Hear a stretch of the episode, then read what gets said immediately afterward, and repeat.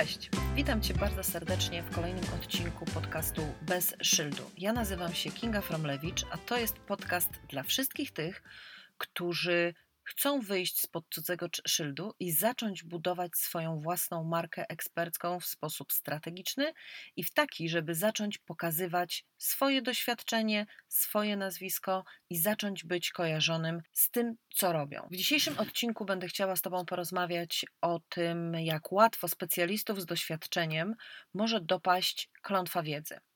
Ale zanim do tego przejdziemy, chciałabym już teraz zapowiedzieć i zaprosić Cię bardzo serdecznie do naboru do mojego mastermindu dla specjalistów, którzy chcą zacząć przygotowywać swoją strategię obecności chociażby w social media pod kątem eksperckim, którzy chcą zacząć budować swoją rozpoznawalność i swojego doświadczenia. Jeżeli chcesz poznać szczegóły rekrutacji do mastermindu pięcioosobowej, do pięcioosobowej grupy, zapraszam Cię serdecznie do kontaktu na maila na kontakt małpa.kingafromlewicz.pl prześlę wszystkie szczegóły. A teraz czas na dzisiejszy temat naszego odcinka. Chciałam z Tobą porozmawiać dzisiaj o klątwie wiedzy, ponieważ jest to jeden z najczęstszych problemów, z jakimi stykają się, borykają się osoby, które mają całkiem spore doświadczenie zawodowe i które chcą zacząć w końcu o nim opowiadać, chcą zacząć pokazywać siebie właśnie jako specjalistów, jako osoby doświadczone, jako osoby, które zrealizowały sporo projektów. No i właśnie tutaj pojawia się nasza tytułowa klątwa. Klątwa wiedzy, ja to nazywam tak na swój użytek, bo pewnie y, można gdzieś znaleźć inne określenia, czyli na przykład wielotorowe, czy wielo, y, wielozadaniowe, multiprojektowość i tak dalej, wieloprojektowe doświadczenie. Ja nazywam to klątwą wiedzy, ponieważ bardzo często takie duże i bogate doświadczenie, wbrew pozorom, może być przeszkodą. Może przeszkadzać nam w wybraniu tego czołowego tematu, którym chcemy się zająć, z którym chcemy być kojarzeni, bo w każdym z tematów, w których działamy, czujemy się po prostu dobrze. I teraz trzeba pamiętać o tym, że to jest zupełnie naturalne i normalne, ponieważ mało jest zawodów, gdzie przez lata zajmujesz się tylko jednym obszarem. A przecież też zmieniamy pracę i zawsze w kolejnym miejscu, e, w którym się pojawiamy, nawet jeżeli e, jakby pracujemy oczywiście w tym samym zawodzie, bo nie mówię o zmianie zawodu, ale pracując w tym samym zawodzie, nawet zmieniając miejsce zatrudnienia, ciągle dochodzą nam jakieś nowe elementy, którymi się zajmujemy i tak naprawdę obrastamy w wiedzę i doświadczenie. I to jest naturalny proces, nie ma w tym nic złego. Natomiast o ile trzeba zrozumieć, że to właśnie czyni nas ekspertami, o tyle trzeba sobie uświadomić, że taki problem może się pojawić, może wystąpić i trzeba wiedzieć, jak sobie z nim poradzić, jeżeli chcemy w końcu wyjść spod cudzego szyldu i zacząć budować własną ekspertyzę. Bo musimy pamiętać o tym, musisz pamiętać o tym, ja o tym też mówiłam w poprzednim odcinku, że to właśnie na różnorodności doświadczenia budujemy naszą pozycję eksperta. Czyli z jednej strony mamy coś, co jest e, utrudnieniem i obciążeniem, a z drugiej strony jest naszą mocną stroną. Bo o ile ekspert z 10, 15 czy 20-letnim doświadczeniem, specjalista, ma cały ogrom, cały przekrój doświadczenia, cały przekrój wiedzy, o tyle 25-6-latek, który wszedł na rynek pracy 2, 3, 4 lata temu.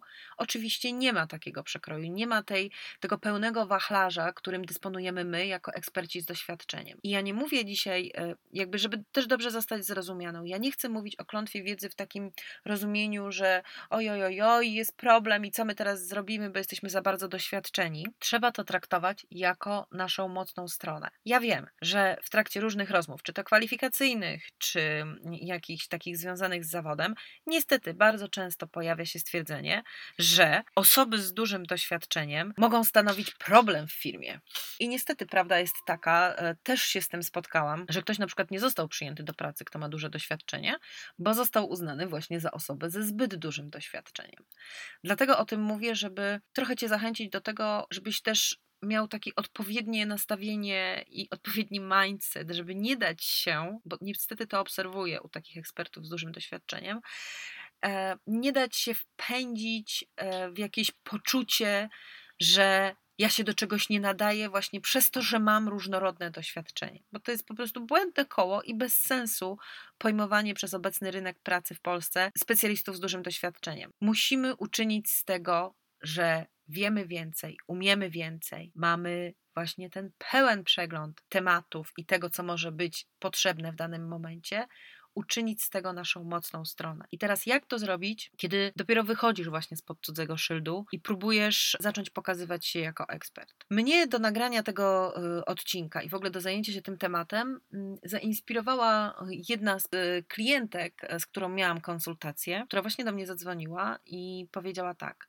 e, Pracuję w zawodzie już 20 lat, ponad 20 lat. Przez ten czas zajmowałam się totalnie różnymi tematami, ale w obrębie mojej ekspertyzy. To była pani psycholog. Pracowała i jako psycholog, e, i jako psychoterapeuta, i jako pomoc e, dla bezdomnych, i jako osoba, jako pracownik socjalny, jako po prostu było tego całe mnóstwo.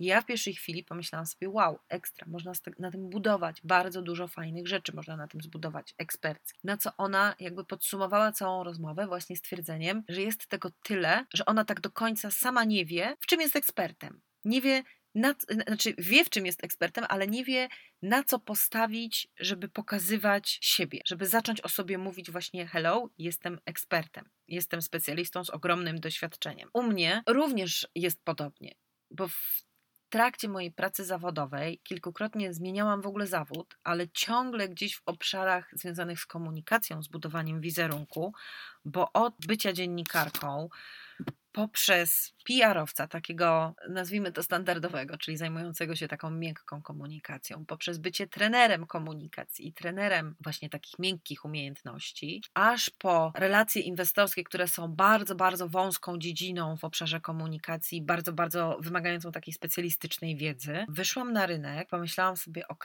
czym ja się chcę zająć z tego wszystkiego, co robię. Zostały mi z tego szkolenia, bo to uwielbiam i, i, i jakby energia w sali szkoleniowej nie da się porównać z niczym innym i absolutnie uwielbiam, cenię i bardzo lubię w ten sposób pracować, aż do doprecyzowania, że jestem mentorem osób z dużym doświadczeniem zawodowym i pomagam im właśnie wykorzystywać tę wiedzę i to doświadczenie w budowaniu ich wizerunku i rozpoznawalności. Ale żeby dojść do takiego doprecyzowania, do określenia samej siebie, pokonałam też kilka etapów, które miały temu służyć. Kilka etapów czasem błądzenia, czasem pomyłek bo wydawało mi się na początku, że mm, na przykład moją grupą docelową mogą być osoby, które prowadzą mikrobiznesy, dlatego też powstała moja książka Zostań królową PR i to absolutnie nie jest też obszar, którego, który ja nie wiem, zamykam i teraz już w ogóle nie będę o, o, o sobie mówić w tym kontekście, że pomagam osobom, które prowadzą mikrobiznesy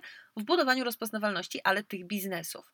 Okej, okay, ja to ciągle robię, ciągle pomagam, ciągle dzielę się wiedzą, natomiast obszarem, z którym ja chcę być kojarzona, między innymi poprzez ten podcast, i temu służy ten podcast również, jest właśnie budowanie pozycji eksperta, mentora, prowadzenia men mentoringu, prowadzenia mastermindów dla osób, które mają właśnie to doświadczenie i chcą wyjść na rynek, chcą wyjść spod cudzego szyldu. Jakie jest ryzyko, y, kiedy takie największe ryzyko, kiedy mamy właśnie takie wielkie bogactwo tego doświadczenia, wielkie bogactwo projektów, które zrealizowaliśmy, bogactwo wiedzy. Największym ryzykiem jest to, że my tak naprawdę rozmyjemy sobie przekaz, jaki kierujemy do osób, do których chcemy mówić potencjalnie, chcemy do nich dotrzeć, chcemy być przez nie rozpoznawani jako ekspert.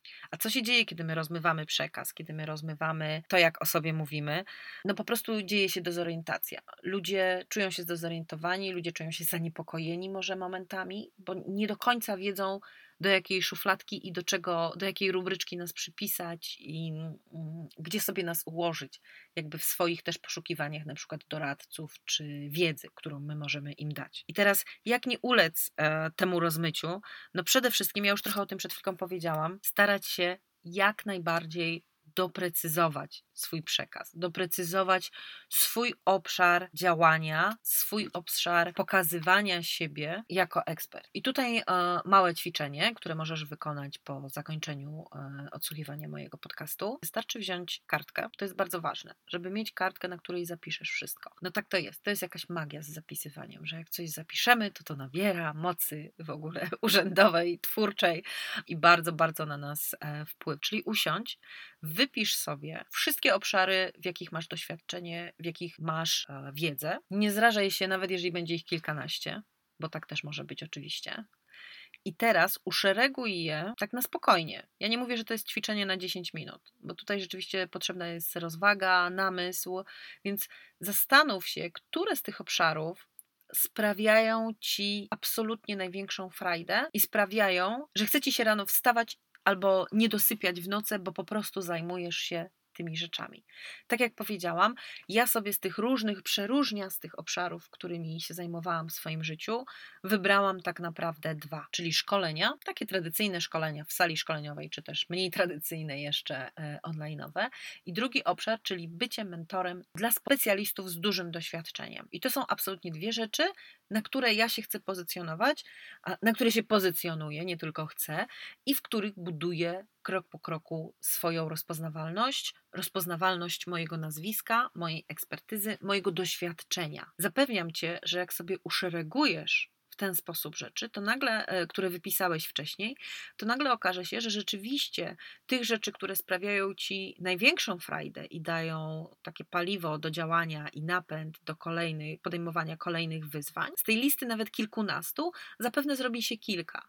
No i tutaj rzeczywiście trzeba sobie ułożyć priorytety pod kątem takim, czym ja się chcę zająć w pierwszej kolejności. Bo coś, do czego ja absolutnie zachęcam, wszystkich zawsze podczas moich warsztatów, chociażby bez szyldu, czy właśnie tutaj, czy, w, czy podczas spotkań. Nie bój się eksperymentować, bo to nie jest tak, że jeżeli ty teraz wybierzesz, że najbardziej cię kręci bycie szkoleniowcem, to już, za, już po prostu zaklepane, była jakaś taka zabawa wchowanego chyba, pamiętacie, że się zaklepywało.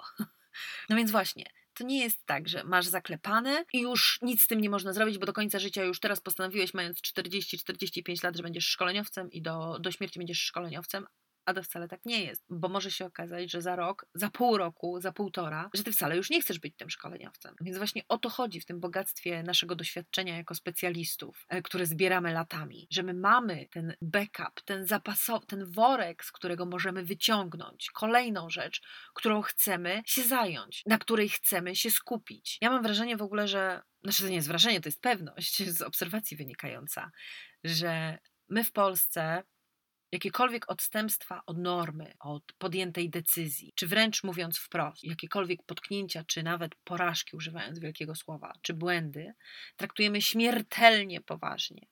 I jeżeli ktoś mówi po roku, po dwóch, po trzech, że już nie chce się czymś zajmować, to wszyscy wokół starają się mu mówić, że to jest jego porażka życiowa. Jak to? Zmarnowane lata. No więc nie, to nie są zmarnowane lata, to są kolejne doświadczenia, które zebrałeś. I bardzo, bardzo, bardzo mocno do tego zachęcam, żeby w ten sposób to traktować.